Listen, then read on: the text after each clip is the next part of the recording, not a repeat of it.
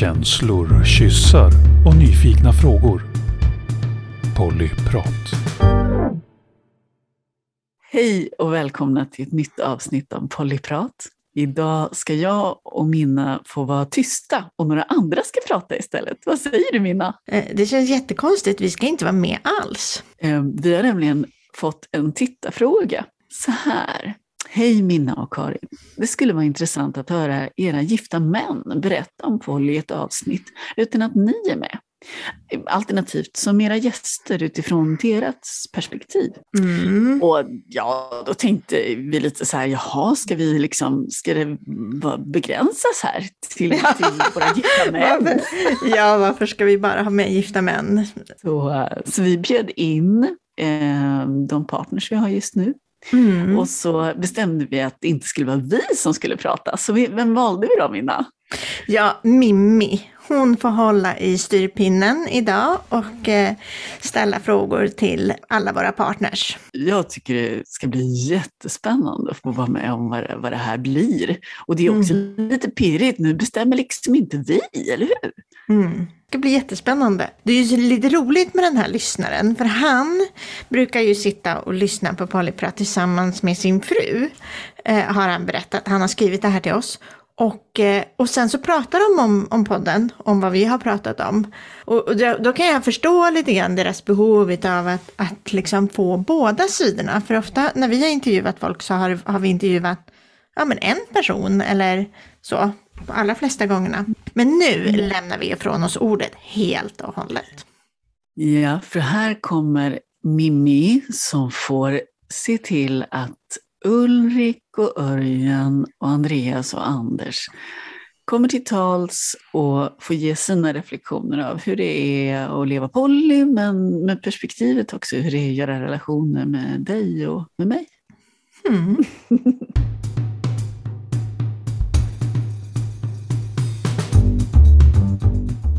Eh, jättetrevligt att ha er här. Eh, vi ska ha ett litet samtal nu kring en eh, lyssnarfråga som har kommit till podden. Jag tror vi tar och börjar med en liten presentationsrunda med vilka som är här. Och jag tänker att Ulrik kan få börja.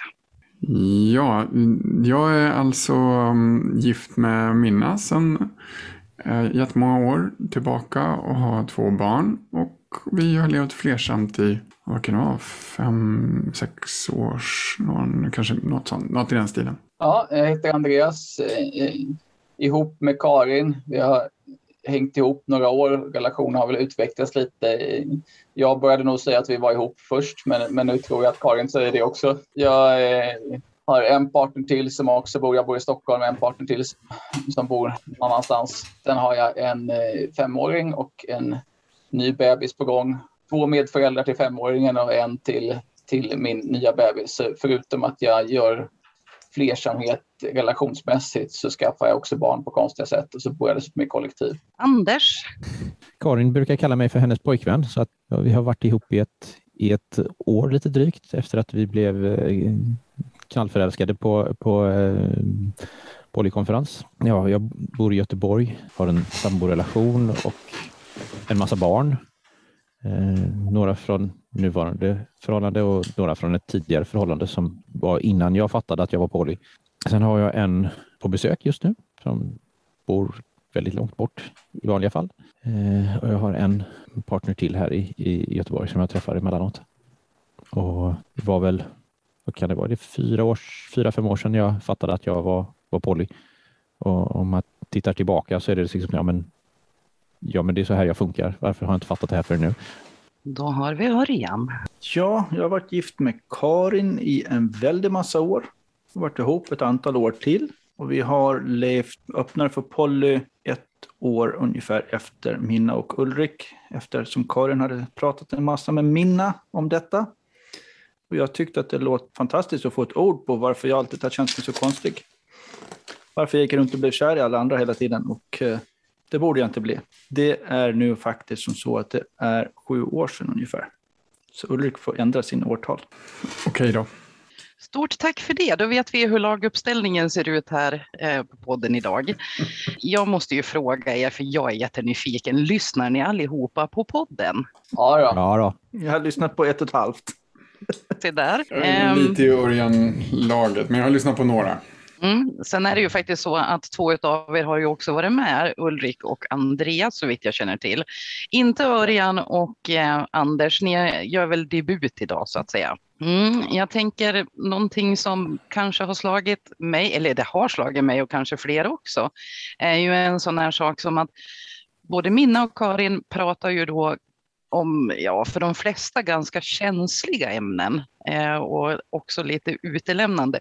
Mestadels om sig själva, men naturligtvis också om relationerna till er. Kan ni sätta några ord på hur det känns? Och vi kan börja med Andreas. Jag tycker nog att i stort så tycker jag väl att det, eh, det känns bra. Sen är det väl möjligtvis om eh, folk i min släkt skulle få för sig att lyssna eller något så vidare så, som det skulle kunna kännas en aning obekvämt. Men, men det är jag beredd att ta. For the greater good. Absolut. Örjan, har du någon tanke kring det? Jag känner mig väldigt obrydd om någon pratar om mig. Jag försöker göra saker som jag står för. Så om någon pratar om saker som jag gör så står jag ju för dem. Så då är det inget problem. Oavsett om min mamma skulle lyssna på podden eller någonting sånt. Ulrik? Det, jag håller med och för ett Eh, antal år sedan så var det nog lite annorlunda. För jag kände så här, ah, jag är inte riktigt redo att gå ut med det här. Eh, mest för att jag, ehm, jag var inte så förtjust i att liksom bli sedd som den där som är väldigt annorlunda. Jag, jag, bara, jag vill inte ha att det kommer emellan eh, mig och någon annan som jag träffar. Ja, nu är han och sådär. Så blir man kategoriserad som någonting. Eh, så då vill jag inte gå ut med det och då, då hade det varit känsligt sen. Men nu har jag kommit förbi det. Nu, nu tycker jag att det är okej. Att eh, alla, alla kan få upptäcka att jag lever poly. Jag går runt på stan och pussar på andra än mina och eh, vi har varit med i tidningen och, och jag vet att Minna har en väldigt låg nivå på sin personliga integritet. Så att det är jag helt eh, med på att hon berättar massa saker. Det, är- det är fine. Mm. Och Anders? Ja, eh, jag får väl hå- hålla med lite Örjan där, att jag, liksom, jag vill ju kunna stå för, för det jag gör och, och ja, det, jag blir nästan lite, lite glad när jag hör Karin berätta om, om vad vi har haft för oss i, i podden. Liksom så här. Det, är fi, fint att få höra det den vägen också, även om liksom i podden så går det inte, om man inte känner oss så går det inte att lista ut vem som är vem, men, men jag vet ju vem som är vem. Jag blir också lite nyfiken kring det här. Eh, när ni själva hittade fram till er flersamhet, eh, vad var största utmaningen för dig? Sätt några ord på det. Då kan Örjan få börja. Det har aldrig varit någon utmaning för mig. Det har alltid varit chill. Det är väl mer det att jag har känt mig som en märklig människa genom en stor del av livet. Eftersom jag inte haft ett ord på varför är jag som jag är. Eh, det var väl ett större bekymmer än att inse att jaha, det finns ett ord för så som jag är och så som jag reagerar. Jag har hittills inte blivit svartsjuk, brukar jag säga. Eh, för jag har inte blivit det. Jag vet, jag kanske blir det någon gång, det vet jag inte. Det är ingen, ingen bekymmersam resa, utan det är bara, för mig är det fantastiskt. Hittills. Jag håller, jag håller med. Jag känner också så. Fast det har ju funnits utmaningar. Alltså det här med att kunna prata med varandra. Ehm, eh, jag och Minna eller jag och andra flickvänner som jag har haft. Eh, jag är ändå inspelad på att ha liksom parmodellen. Och då kan man, då, när man har pratat med en person då är det, då är det ju färdigpratat och överenskommet. Men när det blir, när man har relationer med två samtidigt så är det ibland saker och ting som man måste ta med båda. Och liksom det bör allting, det blir tre som måste lite grann komma överens och, och ha gemensamma regler. Och det där tycker jag inte alltid är så lätt liksom. Ja, det är många som ska stämmas av ibland. Det är min största utmaning. Andreas, har du några tankar kring det? Ja, jag tänk, tänker fortfarande lite. Alltså min, min policy säger att jag har nog aldrig varit så mycket för det här med monogami. Så min, min första utmaning var väl att den första flickvännen jag hade var monogam, så då fick jag också vara det. Det var en, en sorts utmaning. Men, ja, men det är ju, man gör ju någonting nytt som är ganska outforskat och det är ganska svårt att veta i början hur man ska göra det. Min, min första, jag hade en, en väldigt lång relation där vi var, aldrig var helt monogama, men i början så tänkte vi nog mer, ja men det är lite lösare sexuella relationer vid sidan av, eller i alla fall var så, så jag tänkte på det. och Sen dykte upp en person i, hens liv som blev, där vi försökte helt plötsligt göra en relation där båda förhållandena var lika viktiga utan att ha några idéer om hur man gjorde det och det var nog lite fel, fel ingångar från, ett, från både mig och den nya partners sida i det som gjorde att det, det havererade totalt. I alla fall när jag började göra det så hade jag inte riktigt ord på det och inget community. Och då gör man någonting som, som det finns väldigt få mallar regler kring och, och, andra erfarenheter. Och det har ju sin, sin charm och sin fördel för då kan man utforska själv. Men det är också en nackdel att man inte kan, kan utnyttja andras erfarenheter på samma sätt som man kan göra i, om man gör någonting som många andra har gjort. Anders? Ja, ja, men om jag ska ta min resa lite grann. Liksom började livet som att ja, men, det är väl monogam man ska vara för att det är ju så alla gör. Och, ja, och så träffade jag en, en tjej som jag blev liksom ett, ett längre förhållande och vi, vi gifte oss och, och skaffade barn. Till sen så småningom så kändes det inte alls så bra längre och, och det tog slut och i den vevan när det, liksom, det förhållandet höll på att ta slut så började, liksom, hittade jag konceptet polyamori och kände att ja, men, det här är liksom, det ligger något i det här. Det här känns, det känns som att det här är vettigt på något sätt. Fast jag var, ändå, jag var liksom ändå inte säker på att det var mig de pratade om, utan, utan det, här ska, det, det här kan vara ett bra, bra koncept, men jag, jag liksom vet inte om jag... Vi resonerade lite grann, men inte så här klockrent, det här var jag. Och sen så träffade jag min sambo då. Och ja, eftersom det är så man gör så gick vi in i en, en monogam relation. Efter ett tag så kände jag ju liksom igen det här att ja, men jag träffar, träffar människor som jag blir kär i och då för att liksom passa in i mononormen försöka liksom undertrycka känslor och, och ja, det blev inte bra och till slut så när jag ytterligare en gång hade gått och kärat ner mig i, i, i någon så kände jag att ja, men jag måste ta upp det här med min, min, min sambo. Liksom. Och det var nog egentligen den liksom enskilt mest jobbiga stunden i mitt liv. Jag liksom kände att ja, men jag måste prata om det här och jag har ingen aning om hur hon kommer att reagera på det det var, det var liksom, det, jag fick en väldigt positiv feedback där, så att det, liksom, det var ingen fara i, i, egentligen, men, men liksom det här innan jag hade pratat med henne så liksom, ja, hur ska det här gå? Den är jättesvår, vem som ska ta upp det. Ja. Jag inbillar mig att det är extra svårt som kille, i alla fall så kände jag. Att man blir uppfostrad till att, ja men just mononormen och man ska ju, man är ju en liksom god kille, god man om man är trogen. Ja, det ens då liksom antyda att man ska göra någonting annat. Det är bara... Då är man verkligen en dålig man som bara vill ligga runt. Ja, och det var ju, och det var ju också en av, en av frågorna jag fick av sambon. Jaha, så du vill, du vill kunna ligga runt? Och, och det är liksom, nej, det är inte det jag vill. Jag vill liksom kunna släppa fram mina känslor. Mm. Jag, jag funkar så här.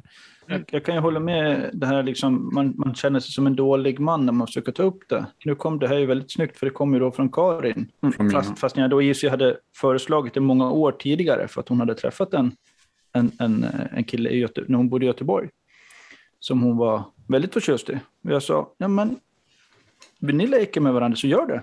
Jag äger inte dig. Jag försöker äga mig själv och det är nog så svårt. Jag kan inte äga någon annan fastän jag hade tur. Att mm. Karin då insåg att det här kanske var ganska bra ändå. Det tog några år bara. Jag tror både Karin och mina kommer, kommer ju från det hållet med liksom samtal, community, prata och utforska ämnet liksom i, ja, i samtal och sen tänka, ah, vi kanske ska pröva det då. Mm. För mig väldigt odramatiskt, för Karin mycket mer dramatiskt och mycket jobbigare. För min förståelse när Karin har pratat med mig om det där Örjan var snarare att du ville ge henne frihet och tyckte att hon behövde det tidigare än så, men att hon själv inte riktigt var bekväm med helheten och eh, kände att då måste hon göra samma sak tillbaka så blir det bra och klarar hon det. Och... Ja, men precis. Hade föreslagit det flera år tidigare, liksom. men hon var inte där. Örjan nämnde ju lite tidigare att han inte upplever svartsjuka. Hur är det med er andra? Jag, jag har heller aldrig upplevt svartsjuka inte ens i närheten än. Så att jag är som Örjan. Jag har absolut haft eh, jag kan absolut bli svartsjuk. Mindre läggning, dragning åt det än, än de allra flesta skulle jag tro, men, men det har absolut varit hänt i livet att jag har blivit svartsjuk. Sen beror det väldigt mycket på vad det är som triggar och ibland kan det vara svårt att separera från andra känslor som avundsjuka eller känslan att inte få vara med och så vidare. Men något åt det hållet så har jag definitivt upplevt starkt ett antal gånger i livet. Det var länge sedan, men någon gång i min ungdom så har jag liksom i samband med att en relation kraschar och man blir lämnad, då har jag väl känt något som nog är svartsjuka skulle jag säga. Men inte ja. nu, inte i, i liksom i sammanhanget leva poly.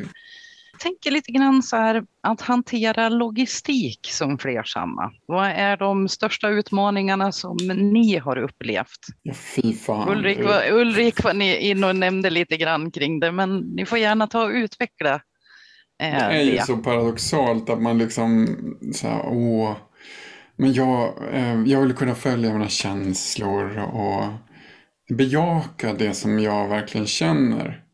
Och så slutar det att man sitter med en jävla kalender på fritiden också och bokar möten. Det minst bejakande, livsbejakande som finns. Eh, det är jättetråkigt när tiden tar slut för att man ska relatera till många. Det är helt klart min gränssättare för hur många jag kan relatera till. Det är bara, äh, jag har inte tid. Jag måste ju sova ibland också. Plus att jag vill få själv ibland. Ja, mitt e-, enskilt största logistiska problem är väl att det är alldeles för långt mellan eh, Gotland och Göteborg idag. Jag får väl instämma där. Just nu är väl mitt största eh, logistiska problem att det är lite begränsat med hur lätt det är att ta sig fram och tillbaka på Gotland. Jag bor ju ändå närmare, men men oftast har det funkat att hitta tider. Men nu har det varit lite svårt för mig av olika skäl att hitta bra helger och åka till Gotland och så jobbar Karin ibland på helger och eh, det finns många barn att rodda så det är inte helt lätt för henne att åka iväg heller. Annars tycker jag, eh, apropå det du sa, liksom för mig är allt det här med att det, när folk pratar om spontanitet då brukar jag känna ett lätt obehag och känna att folk försöker tvinga på, har någon slags oklara förväntningar på mig som jag inte kommer att leva upp till. det, du gillar Polly för att det blir så mycket kalendertid. Ja, men jag, alltså jag, jag gillar ju att planera. så, så jag tycker, jag, jag lyssnade på förra avsnittet, ni pratade om det med spontanitet och jag kände lite så här, oj, det där låter jobbigt. liksom, ma magreaktion. Att, att man, man planerar in att man ska ses och så vet man det och så kan man tänka på andra saker om man vill eller liksom, så behöver man inte hålla på och fundera på den saken. Så, så jag, jag gillar att planera. Men ibland så kan det vara lite svårt att hitta bra datum och tider. Och det är en utmaning eftersom jag nu också har ett barn redan och ett till på ingång och det är må många medföräldrar och så har jag partner som bor på andra orter. Och... Logistik är spännande kan jag konstatera. Jag tycker i grunden att det är ganska roligt när jag lyckas hitta de här synergieffekterna när man kan hitta reserutter där man kan vara på, slipper åka hem emellan och man kan hitta diverse synergier. Jag lyckades ju läm lämna av min femåring på Gotland i somras så att jag kunde vara, vara där lite utan henne och lite med henne. Det var jag väldigt nöjd med. Vi, vi har ju umgåtts rätt mycket i, i somras. Och vi, vi körde ett race där, där vi umgicks i princip i tre veckor på olika sätt. Ja, vad är ditt Örjan? Alltså, nu har du ju hört tre fastlandsbor då diskutera. Du som öbo. Nej, men alltså att bo på en ö ställer sina logistiska utmaningar. Nu försöker jag just nu i alla fall på något vis relatera mest här. Redan det är väldigt svårt eh, att hitta tider när det kan passa med människor som man, jag vill relatera till som har barn varannan vecka som då kanske inte alls passar in i mina egna scheman. Så det, det, redan på samma plats så kan det bli spännande och förvånansvärt långt mellan gångerna. Man skulle kunna tro att ja, men man bor på samma ort. Det är klart man kan bara ses. Nej, då är det möte där eller då är man iväg och jobbar där också. Eh, och sen är det två partners. Karin då, min bopartner och sen jag. Och vi, vi båda har relationer. Det blir en ytterligare nivå på logistikplaneringen. Min grundinställning är ifall Karin vill åka iväg så brukar den vara ja, men det är lugnt, det fixar sig. Jag har barnen, du åker iväg. Jag vet hur viktigt det är för Karin och hur glad hon blir när hon kommer hem. Då blir jag glad. Eh, men sen vill jag då få in i det här att jag vill kunna träffa dem som jag träffar. så då, då, då sitter man där med kalendern och det är kanske inte alla av dem som man träffar som har lust att planera i kalender heller. Det blir ännu roligare då. De här Så. spontanmänniskorna, de kan man ju inte hålla på med. De är underbara. Åh, Andreas, Ja. din kontaktannons. Jag söker dig som är totalt ospontan, gillar kalendrar och logistik. Nej, men jag, jag, kan ju, jag kan ju hålla med Örjan om att det blir ju inte lättare bara för att man bor i samma stad. Som sagt, jag har ju en, en, en partner här också och, och det kan ju gå många veckor innan vi lyckas få till att träffas för det är jobbscheman som ska matcha. Om man ska liksom ha var, var i en fas där man känner att ja, men, nu vill jag umgås, jag vill inte, inte sitta och gömma mig för mig själv ett tag. Ibland så kan vi få till det kanske fler, flera gånger på en vecka och sen så tar det en månad tills vi lyckas få till det igen. I och med det här med era kalendrar och försöka få till, eller brist på kalendrar och försöka få till, så jag tänker, vad, vad hittar ni tiden för er själva någonstans, Andreas? Det är väl en bra fråga. Det beror också på hur man räknar. Om man räknar jobb så, så blir det ju en del. Pandemitiden så tycker jag att jag hade alldeles för mycket tid för mig själv. Nu jobbar jag ganska mycket och har ett ganska roligt liv och då blir det ju tvärtom. Eh, och så, blir, så det är andra barn eller partners eller jobb. Nej, men den, den är ju svår av, avvägning. Det, det är väl lite olika olika perioder. Ibland kan jag sakna det, ibland så, så blir det för mycket. Jag har ju då inget stort problem med det eftersom jag oftast är själv hela dagarna och jobbar. Så då har jag egen tid. Win-win. Ja, bortsett från att jag då kanske pratar väldigt mycket telefon samtidigt som jag står och jobbar. Om relationsproblem, problematik och liknande med en mycket god vän. Men det är ju typ egen tid. För att det är ändå något som är viktigt att prata om. Så det är väl min, min egen tid. Eller nu ta en tur på cykeln. Liksom. Ja, men det är också egen tid. Liksom. Ja, jag, jag är väl lite för bra på att förlägga egentiden efter midnatt. Men jag hittar, hittar tillfällen, eh, ibland även innan midnatt. Jo, men det där känner jag igen. Det är min ständiga, som jag sa innan, det är min, det är min liksom ständiga motsatsförhållande. Att få egentiden. För det ligger ofta lite för lite. Ofta att jag vill ha mer egentid. Jag, tänk, jag kan, kan väl lägga till också till exempel om jag åker och hälsar på Karin på Gotland. Ja, men dels åker jag ju båt. Det gör jag ju själv. Och sen så är jag också sån att jag umgås ju inte 24-7 med, med Karin och er andra utan jag, jag är ute och springer någonting. Jag läser tidningen i lugn och ro. Jag, alltså jag, jag, jag drar mig undan lite och ser till att skaffa mig den där egentiden. Och det gör jag nog med att träffa min andra partner också. Även om man är, umgås en helg så betyder det inte att, att jag spenderar alla dygnets vakna timmar med den personen. Jag kom på att ett sätt också för mig att skaffa egen tid, eller där jag har egen tid, det är ju faktiskt när jag åker iväg på andra event. Sexability festival eller tantra event. Det är ju faktiskt det är min egen tid. Jag kan vara mig själv 100 procent. Jag behöver inte liksom anpassa mig efter en partners eller barn eller sådana saker. Utan det är ju faktiskt min egen tid. Fast jag umgås med en massa andra människor då, men det är fortfarande egen tid för mig.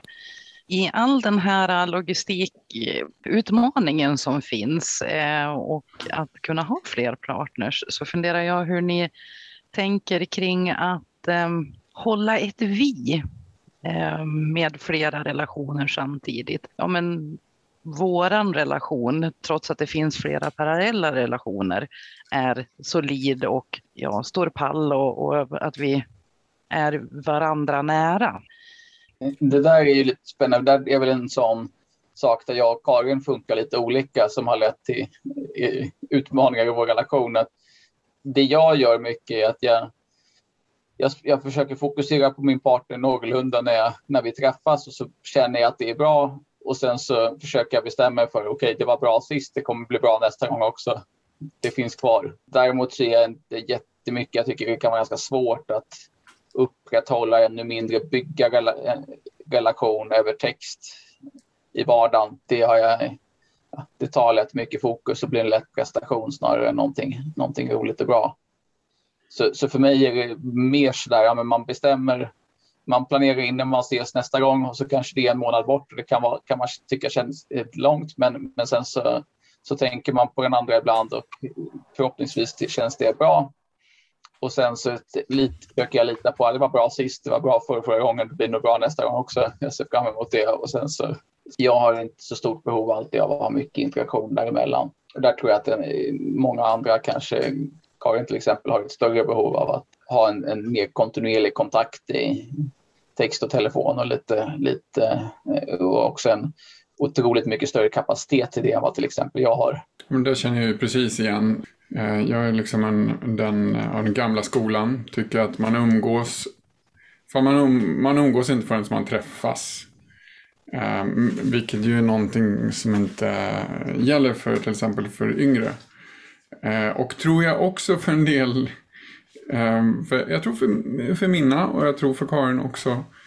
Eh, och för många andra och möjligen är det en könsfråga. Eh, alltså att det är också ett sätt att verkligen umgås, att hålla på och texta, chatta eller prata i telefon. Men för mig är det så här, det är för mig bara ett verktyg som jag använder för att typ uh, komma överens när vi ska ses. Jag tycker inte det ger så jättemycket att eh, chatta och sånt. Så eh, den grejen. Och sen är det väl tyvärr så också att jag, jag vet att jag placerar mig på en annan plats än minnen. Det kommer inte lika naturligt för mig att ta hand om relationen och att eh, liksom prata relation. Jag tycker lite grann så att men om, om vi har det bra så behöver vi kanske inte prata så mycket om det. Då kan vi bara konstatera att vi har det bra så tuffar vi på. Men det har ju lärt mig att den inställningen är inte riktigt eh, hållbar med, med relaterat till minna. Eh, så då får man ju jämka ihop helt enkelt. Och, och ha lite sådana eh, se till att komma nära varandra i relationen på ett sätt som är viktigt för henne och därmed indirekt viktigt för mig också. Där tror jag att jag är mer lik Minna och eh, Karin också tror jag. Att för mig bygger relation väldigt mycket att prata om relationen och hur har vi det, hur vill vi ha det, hur funkar det och känna att man tar hand om de jobbiga saker som dyker upp. För mig är det en väldigt trygghets och relationsbyggande. Men inte över text. Helst på riktigt, eh, möjligtvis över telefon. Vi är den sista generationen som kallar det på riktigt. Men... Ja. För mig är att sova tillsammans en väldigt visskapare. Närhet, fastän man faktiskt sover ihop. Men man ligger nära, håller om. Sex är en annan sån. Vi-skapare. Den är bra för både mig och Karin. Liksom då får man tajta med ihop sig. I synnerhet om man har varit iväg. För jag har varit iväg så är det ett väldigt bra sätt att, att återknyta till viet eh, för oss. Samtal funkar efter det, inte före. Eh, börja prata om vad som har hänt eller vad som helst fungerar aldrig före, fungerar bra efter. Sen är det där med vardag och barn.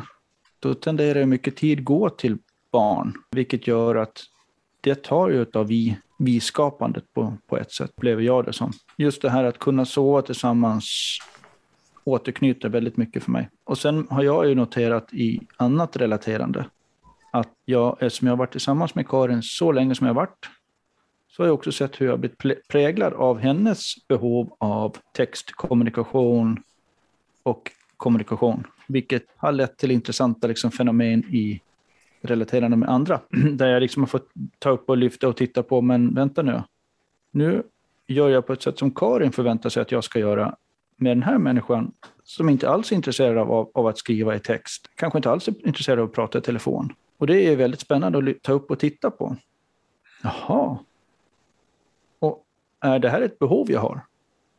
För att skapa ett vi med den här människan?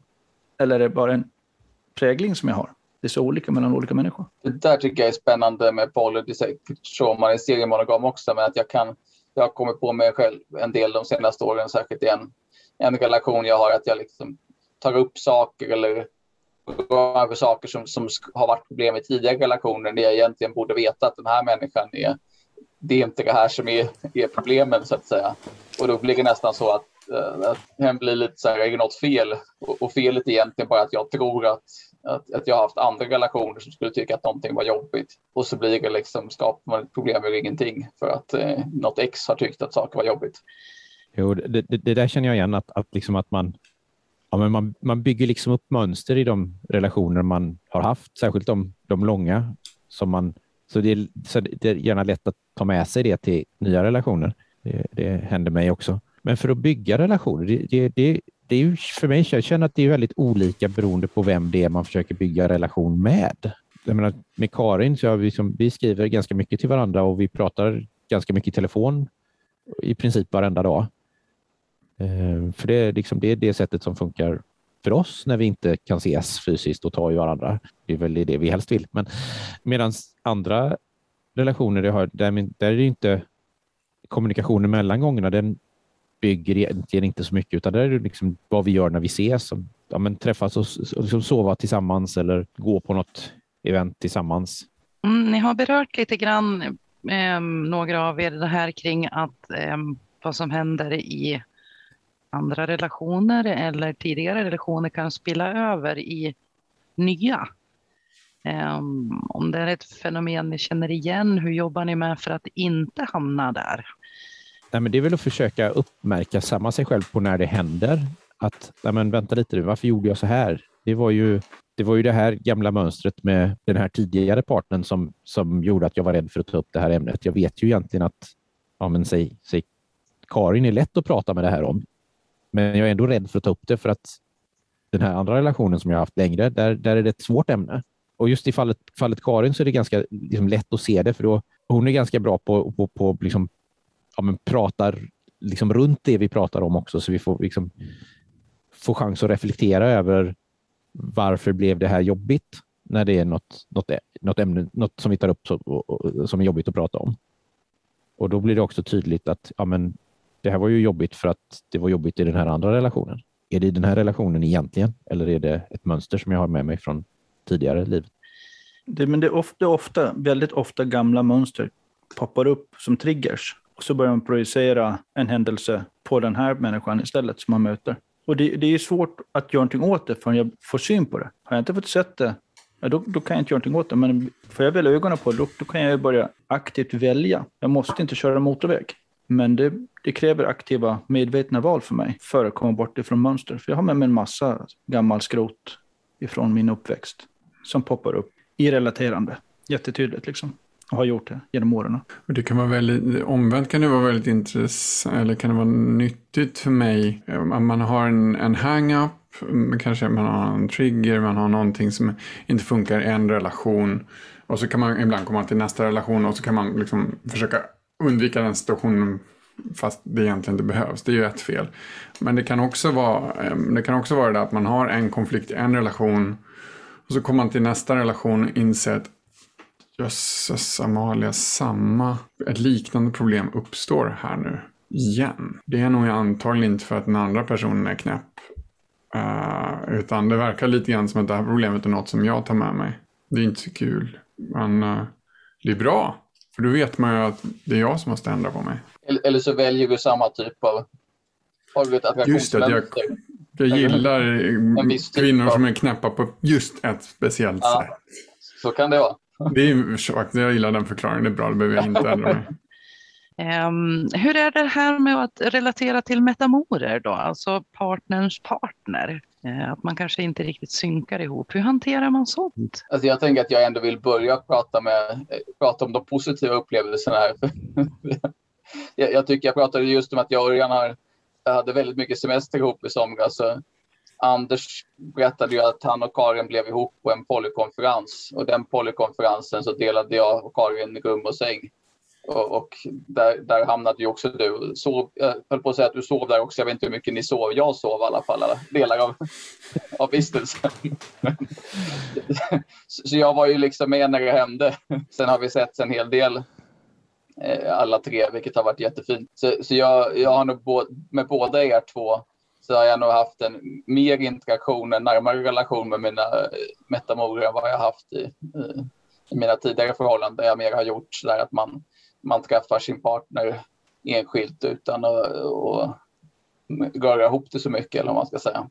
Alltså jag kan i, ibland ha haft känslor av svartsjuka historiskt och så vidare, men det som, är, som också är med, eftersom Karin är en sån människa som har, har så mycket energi och lust i allt möjligt, jämfört med mig i alla fall så är det liksom oavsett om vi pratar sex, närhet eller samtals så även om vi som i somras när vi var på samma ställe alla fyra så att säga Eh, då hade jag i och för sig mitt barn där också men, men jag menar jag får ju det så mycket jag vill ha, även om ni två är där. Och det får ni, får ni också, tror jag. Och det räcker liksom. Och, och, då blir det inte den här, eh, det blir ingen tävling om, om uppmärksamheten, för det, det finns, eh, finns så mycket kärlek och lust och, och energi att det räcker till alla. Och då, då är det lättare att inte bli svartsjuk, utan bara Alltså, det är väl snarare så att sen, sen Karin och du träffades Anders så, upplever jag att min och Karins relation har blivit bättre. För det blir ett mindre problem att jag inte har samma kapacitet att, att skriva och prata och så vidare när hon får lite utlopp för det med dig. Jag kan väl bara hålla med Andreas om att jag tycker att jag och Andreas och Örjan och jag har haft eh, ja, men väldigt trevligt de gångerna vi har sett. Så att, eh, ja, men det, det, det, är bara härligt att få vara tillsammans med er också. Sen har jag inte träffat så många andra av mina metamorer faktiskt. Det varier, har varierat lite i, i liksom hur, ja, men hur öppna mina andra relationer har varit för att ja, men presentera sina, sina andra. Eh, jag har träffat, träffat några och liksom, ja, men det har varit trevliga människor, men, men ja, vi har inte blivit kompisar riktigt på samma sätt som, som, som med Örjan och Andreas. Jag tycker det är fint att träffa metas. Det är skönt. Ibland har vi väldigt olika liksom, åsikter eller väldigt olika intressen. Jag brukar hitta någonting att kunna prata om eh, med de flesta. Alltså köksbordspodd är ju det är liksom väldigt chill för mig. Det är nästan skönare att det är så än att det skulle, bara, att det skulle typ vara hemligt. Partnern typ skulle vara lite hemlig. Det skulle för mig kännas jättemärkligt. För, för att det här är en person som är jätteviktig i min partners liv, den här metan. När Karin har besök av en partner så brukar jag känna mig väldigt medglad i att hon blir så glad. Jag har nog inte, jag har inte haft så jättenära kontakt med, eh, med mina metamorer, äh, eh, eh, ja, hennes andra. Ja, det, har, det har blivit så att vi har hållit Eh, isär det lite grann. Eh, men jag har inget emot det. Jag har ju träffat några och jag kan tycka det är trevligt. Jag vet inte, jag tror vi har utvecklat ett mönster av att eh, vi har inte kört så mycket liksom, den här köksbordspollen eller vad man ska säga. Jag, jag tänker om jag kommer tillbaks nu, börjar i den positiva änden, men, men till din fråga vad kan vara svårt så kan jag tycka ibland att det har känts lite, men det är en relation som man inte har någon malla för. Eftersom jag gillar att prata mycket känslor och relationer med mina partners så pratar jag ofta ganska mycket om mina partners andra relationer. Vilket gör att, att jag vet ganska mycket om den här människan och hur den funkar på olika sätt. Och vad som är jobbigt och vad som är bra i, deras relation. Eh, och beroende på vem den är så ofta vet den personen samma sak om mig. I något fall så är det någon som är, inte är så förtjust i att prata känslor så då vet jag mycket mer. Men, men, ja, men det där är lite olika. Jag kan träffa någon person som jag träffar väldigt sällan men vet oerhört mycket om. Och så sitter vi där och så vet vi att vi vet oerhört personliga saker om varandra. Och så har vi också någon relation som skulle kunna trigga lite svartsjuka, kanske har gjort det någon gång historiskt. Eh, vilket vi också vet om.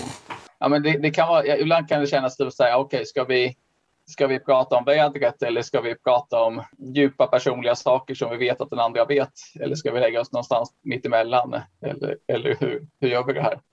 Vad är absolut största fördelen med att leva flersamt? Men det är väl det här med att man, att man kan få bejaka känslor som dyker upp eh, och att man inte måste tvingas att vara allt för någon annan eller få allt av någon annan. Om jag, för det, det är ju ett väldigt verkligt problem om man i en relation där man ska vara monogam, om den andra eh, är det jätteviktigt men någonting vad det än är, någon sexuell kink eller att de vill segla eller någonting och man bara vill inte.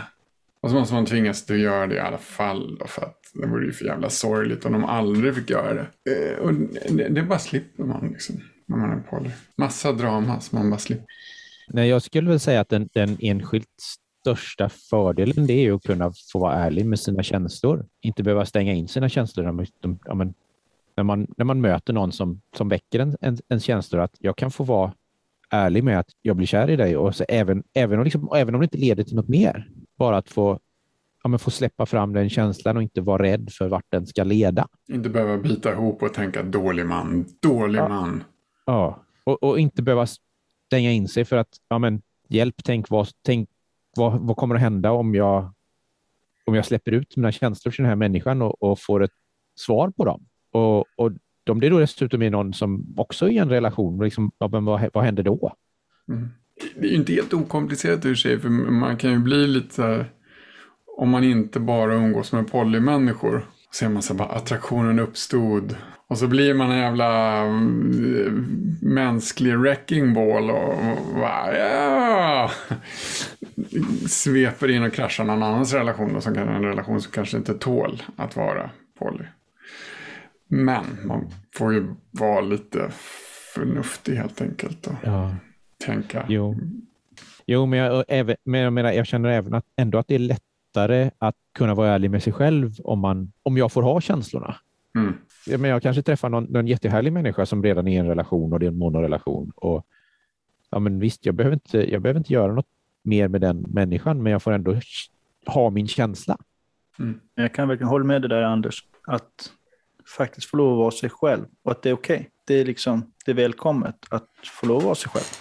Att få lov att bli kär i grannfrun eller vad det nu är. Och sen måste jag ju inte agera på det. Det är ett val som jag kan göra om jag vill agera på det eller inte. Men att inte känna, känna mig som en dum man eller en svikare eller eh, otrogen för att jag faktiskt känner det här.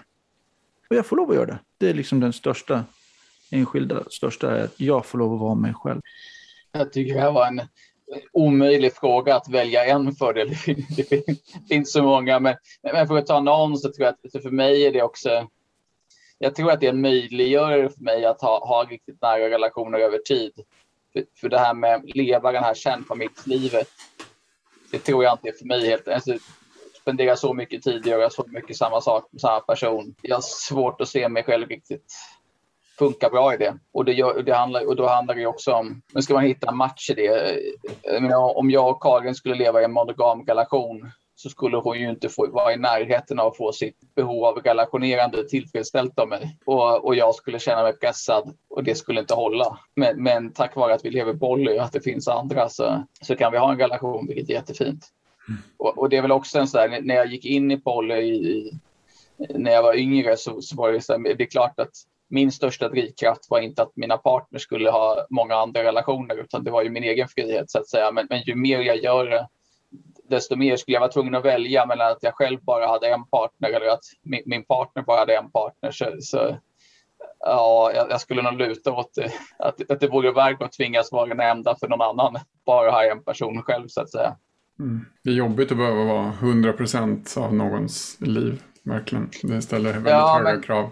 Jag har svårt att liksom känna att jag kan leverera mot alla behov som, som finns och framförallt mängden av det. Att vardagskommunikation och, och mycket samtal om ditten och datten. Jag, jag tycker om att ha intressanta samtal men man börjar komma till det här att man, ja vi kan prata om det här men jag, kan, jag, jag vet vad du tycker även om vi inte har pratat om just exakt det här har vi pratat så himla mycket om liknande saker så jag kan, kan lista ut. Min första partner var väldigt länge sedan när jag var monogam var någon gång jag inte svarade på chatten så tröttnade hon på det och så var hon så här, men jag vet ju ändå ungefär vad du skulle svara. Så då fejkade hon en hel konversation och, och, och skrev, skrev mina repliker åt mig. Och, och, det, och det var ju inte så himla fel.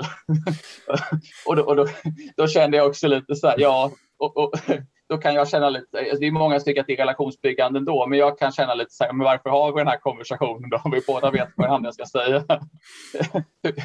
Du, du tänkte inte så här, gud, men gud älskling, vad bra, du sköter ju det här superbra, det här kan du få göra hela tiden framöver. Jag tänker lite grann fortsättning eller förlängning på det hela. Finns det någonting sen ni började, eller det finns det säkert, men kan ni namnge någonting, berätta om något, där ni har förvånat er själva med oj, fungerar jag så här? Som har förändrat kanske er självbild sen ni började leva flersamt. Alltså det här är ju, för mig är det här nästan hela mitt vuxna liv och alla relationer jag har gjort. Det är så svårt att koppla isär det från Eh, eh, det är klart jag är en väldigt annorlunda människa nu än vad jag när jag var 23. Snarare så eh, vad jag, vad jag har lärt mig de senaste 15 åren som inte har med poly att göra. Jag har noterat hur eh, verkligen olika anknytningsmönster kan trigga mig på olika sätt och lyfta fram saker hos mig som jag inte ens visste att jaha, oj, har jag det här? Och där och då i stunden jätteförvirrande och jobbigt eller någonting annat. Men att det är så väldigt olika. Just med olika personer så lyfts, märker jag att olika anknytningsmönster i mig lyfts fram och förstärks beroende på den personens anknytningsmönster. Hur min ambivalenta sida kan lyftas fram och förstärkas i, i, i kombination med en annan. Väldigt spännande att ta upp och titta på för mig själv. Och se, oj, händer det här? Vad händer?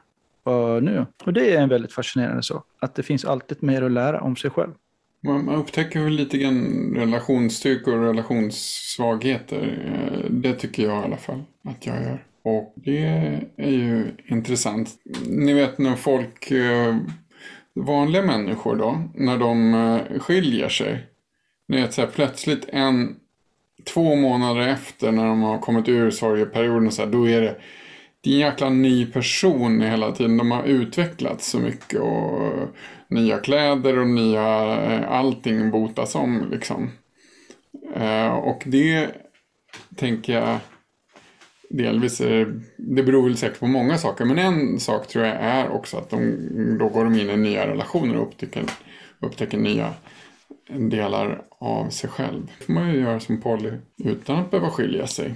Eh, det är bra. Om jag ska vara konkret vad det är som jag upptäcker. Ja, jag upptäcker att jag kan vara lite eh, en dålig grej. Jag kan vara kanske lite sådär eh, undflyende och icke committande.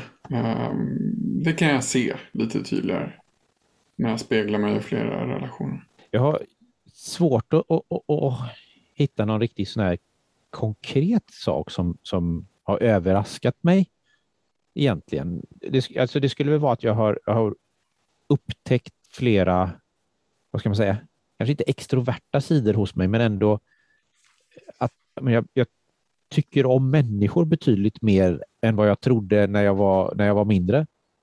Mm. Lite grann innan, innan jag, jag vågade då släppa på känslorna. Just för det här att det är någon här som, som, som väcker känslor. Det, det, det är inte bra. Jag ska ha känslorna till den här andra personen som jag är ihop med. Då kan jag ju inte få ha känslor och, och då blir människor jobbiga. Men det, det är de inte på samma sätt längre för att ja, men känslorna är inte farliga egentligen. Det är bara normerna som tyckte att känslorna var farliga. Ja, men som, särskilt som, som Ulrik säger, man träffar ju nya människor och man får komma nya människor väldigt nära och det är ju otroligt utvecklande och, och, och det har ju gett mycket. Jag blir också lite nyfiken på hur ni hanterar en förälskelse gentemot redan existerande förhållanden. Eh, jag tycker att eh, men det tar ju lite tid då. Och, och, man får tänka lite grann på att kanske ägna lite uppmärksamhet eh, även åt sina andra relationer. Även om man kanske eh, Eh, just i visst, eh, kanske under en period befinner sig väldigt mycket en eh, är väldigt fokuserad liksom på den, den här nya förälskelsen. Det, jag har inte, ändå inte tyckt att det har varit så skapat så mycket problem? För mig så lever de delvis sina egna liv eftersom de ju inte är sammanblandade. Min kärlek för förälskelse i en person är ju till den personen och med min, ja med Karin som min bopartner så är ju, finns ju den kärleken. Men i en förälskelsefas så, ja men då, då kan det ju bli en del på ett sätt kan det bli, liksom, för det tar ju en del fokus och tankeprocess även när man inte ser den som man är kär i. Eller ny, nyförälskad i. Eller... Och jag och Karin pratar ju väldigt mycket med varandra i, i den här fasen om den personen som har kommit in i våra respektive liv. Liksom. För att liksom få rätt sida på kanske missförstånd eller det, det, kan vara lätt att det uppstår saker, liksom, fnurror på vägen där i, den, i förälskelsefasen. Liksom. Karin blev väldigt förälskad och jag blev väldigt förälskad. När vi blir det. Mm. Det har kanske hänt ett par gånger i mitt liv att jag blivit förälskad så, så där, något åt det hållet som, som folk pratar om. Annars är jag ganska långsam. Så jag, jag brukar mer liksom tuffa på lite. Min och Karins relation så upplevde jag att hon kände mycket snabbt och, och det var upp och sen så, så var vi hade vi någon liten paus för att det blev för mycket differens och så stuvade hon om lite så att jag skulle vara betrakta mig på något annat sätt. Och, och under, under, tiden så har jag liksom bara tuffat på sakta uppåt så, så småningom. Så, så, och det är också så när jag bygger relation på de sätt jag gör, nu till exempel med distansförhållande, så även om, om jag har träffat mina partners nu i, i ett par år båda två, eftersom vi har distansrelationer så ses vi ju inte varje dag. Och, och det är ju mest när man ses som man bygger relation. Så, så för mig är det nog ja, men jag är på, på två, två och ett halvt år tror jag om jag räknar rätt i mina relationer och det är fortfarande på klart uppåtgående. Så att, det är inte så att jag har, har varit i en nyförälskelsefas och är klar med den och håller på med något annat. Ja, jag, jag kan ju uppenbarligen bli väldigt eh, förälskad väldigt fort eh, när, det, när det vill sig. Däremot, jag har ju nästan alla mina partners har jag ju haft någon form av relation till innan jag har gått och blivit så där tokkär. Så det, är liksom, det finns ju någon uppbyggnadsfas ändå i det, men, men det, kan, det kan komma väldigt fort. Mina andra partners finns ju ändå kvar i mig i den här förälskelsefasen. Så det är inte som att, att, att en förälskelse blockerar ut allting annat.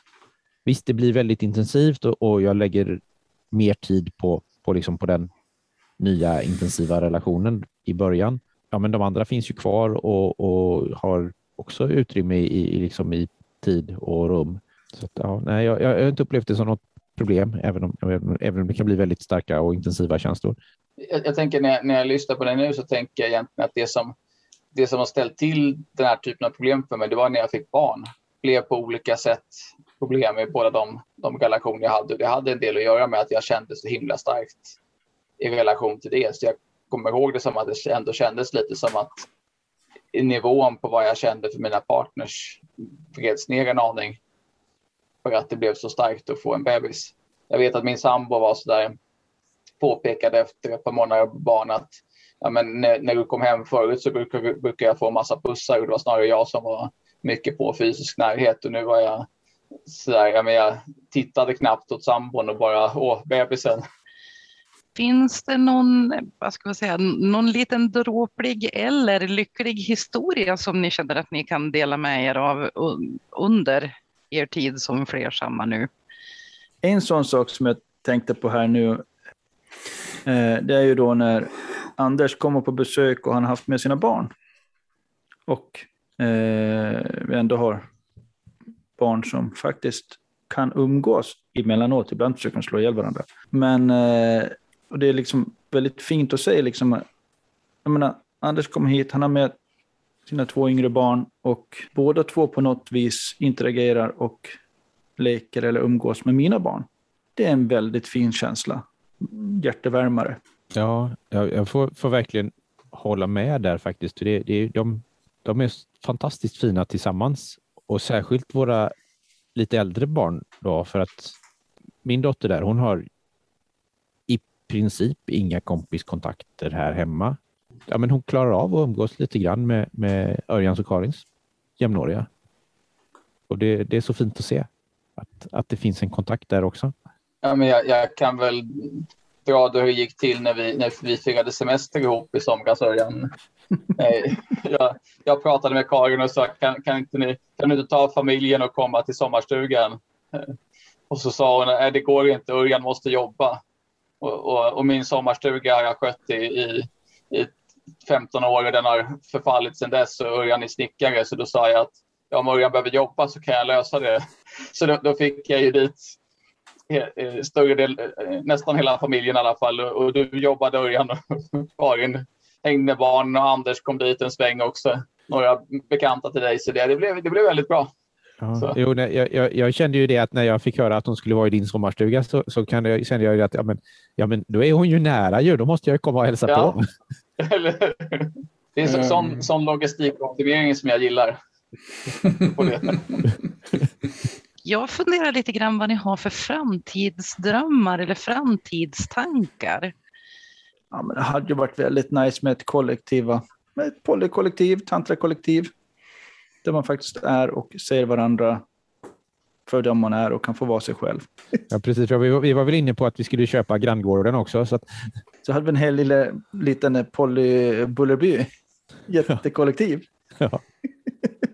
Det är en bra vision tycker jag att jobba emot. Nej, men jag, jag har ju haft också den här polykollektiv drömmen finns där någonstans och, och ja, vi, vi, får, vi får se om vi lyckas göra verklighet av det så småningom. Jag tror för mig så är det nog, finns det en dröm om att eh, bygga en, kanske går lite åt ditt håll Andreas, eh, en familj som växer ut med flera barn. Jag vet inte, inte säkert så att jag själv vill ha fler barn, men på något sätt att ha de där, att leva i den typen av nätverk som är lite närmare och, och eh, där man både liksom får mycket, man tar ett visst ansvar och chippar in liksom. Jag, jag tror att jag också har någon slags dröm om tidigare, inte så mycket mina nuvarande relationer, men, men innan det så upplevde jag att jag gjort poly ganska mycket. Att man träffar en partner i taget. Så har man en kväll till den här partnern, en kväll till den här partnern. Då umgås man bara med den personen. Och, och framförallt med Karin så har det blivit så, som ni märker av den här podden, att vi umgås, vi träffas själva ibland, men vi umgås också en hel del med barn. Vi umgås med Karins partners, vi umgås med mitt kollektiv. Och är man på, hemma hos Karin och Örjan så dyker det oftast upp lite andra människor som ofta är trevliga. Jag är, jag är sällan i centrum av de här st stora gemenskaperna, eller inte i någon längre stund i alla fall. För jag, jag har också ett behov av att lite zooma ut ibland och sitta och göra min grej. Men jag tycker att det är väldigt mysigt. Jag uppskattar umgänge på flera och det ger också mig kanske också lite möjligheter att ta hand om mig själv ibland när jag behöver det och det finns, finns andra för mina partners och så vidare att prata med. Så hitta fler sammanhang där man kan vara flera människor jag, jag tycker om tillsammans och vara en del av, av sådana sammanhang. Det tror jag att jag drömmer lite om. Ganska okonkret än så länge, men vi får väl se hur det utvecklas. Mm, nu har vi gått igenom en hel del ämnen sådär och det börjar nog också bli dags att runda av en aning. Jag trodde att du skulle fråga oss hur är det egentligen att vara ihop med Karin respektive Minna? Men det har vi nog svarat på indirekt. Vi kan väl komma överens om att det är helt fantastiskt. Absolut. Absolut. Mm, och då tror jag, jag kan verkligen att... rekommendera det för alla. det tror jag faktiskt kan bli ett riktigt bra slutord på den här podden. Jag får tacka så otroligt mycket för de otroligt bra svar ni har kommit med och hur pass öppenhjärtiga ni har varit. Du hittar Pollyprat på vår Facebook-sida och där poddar finns. Ställ gärna frågor till oss.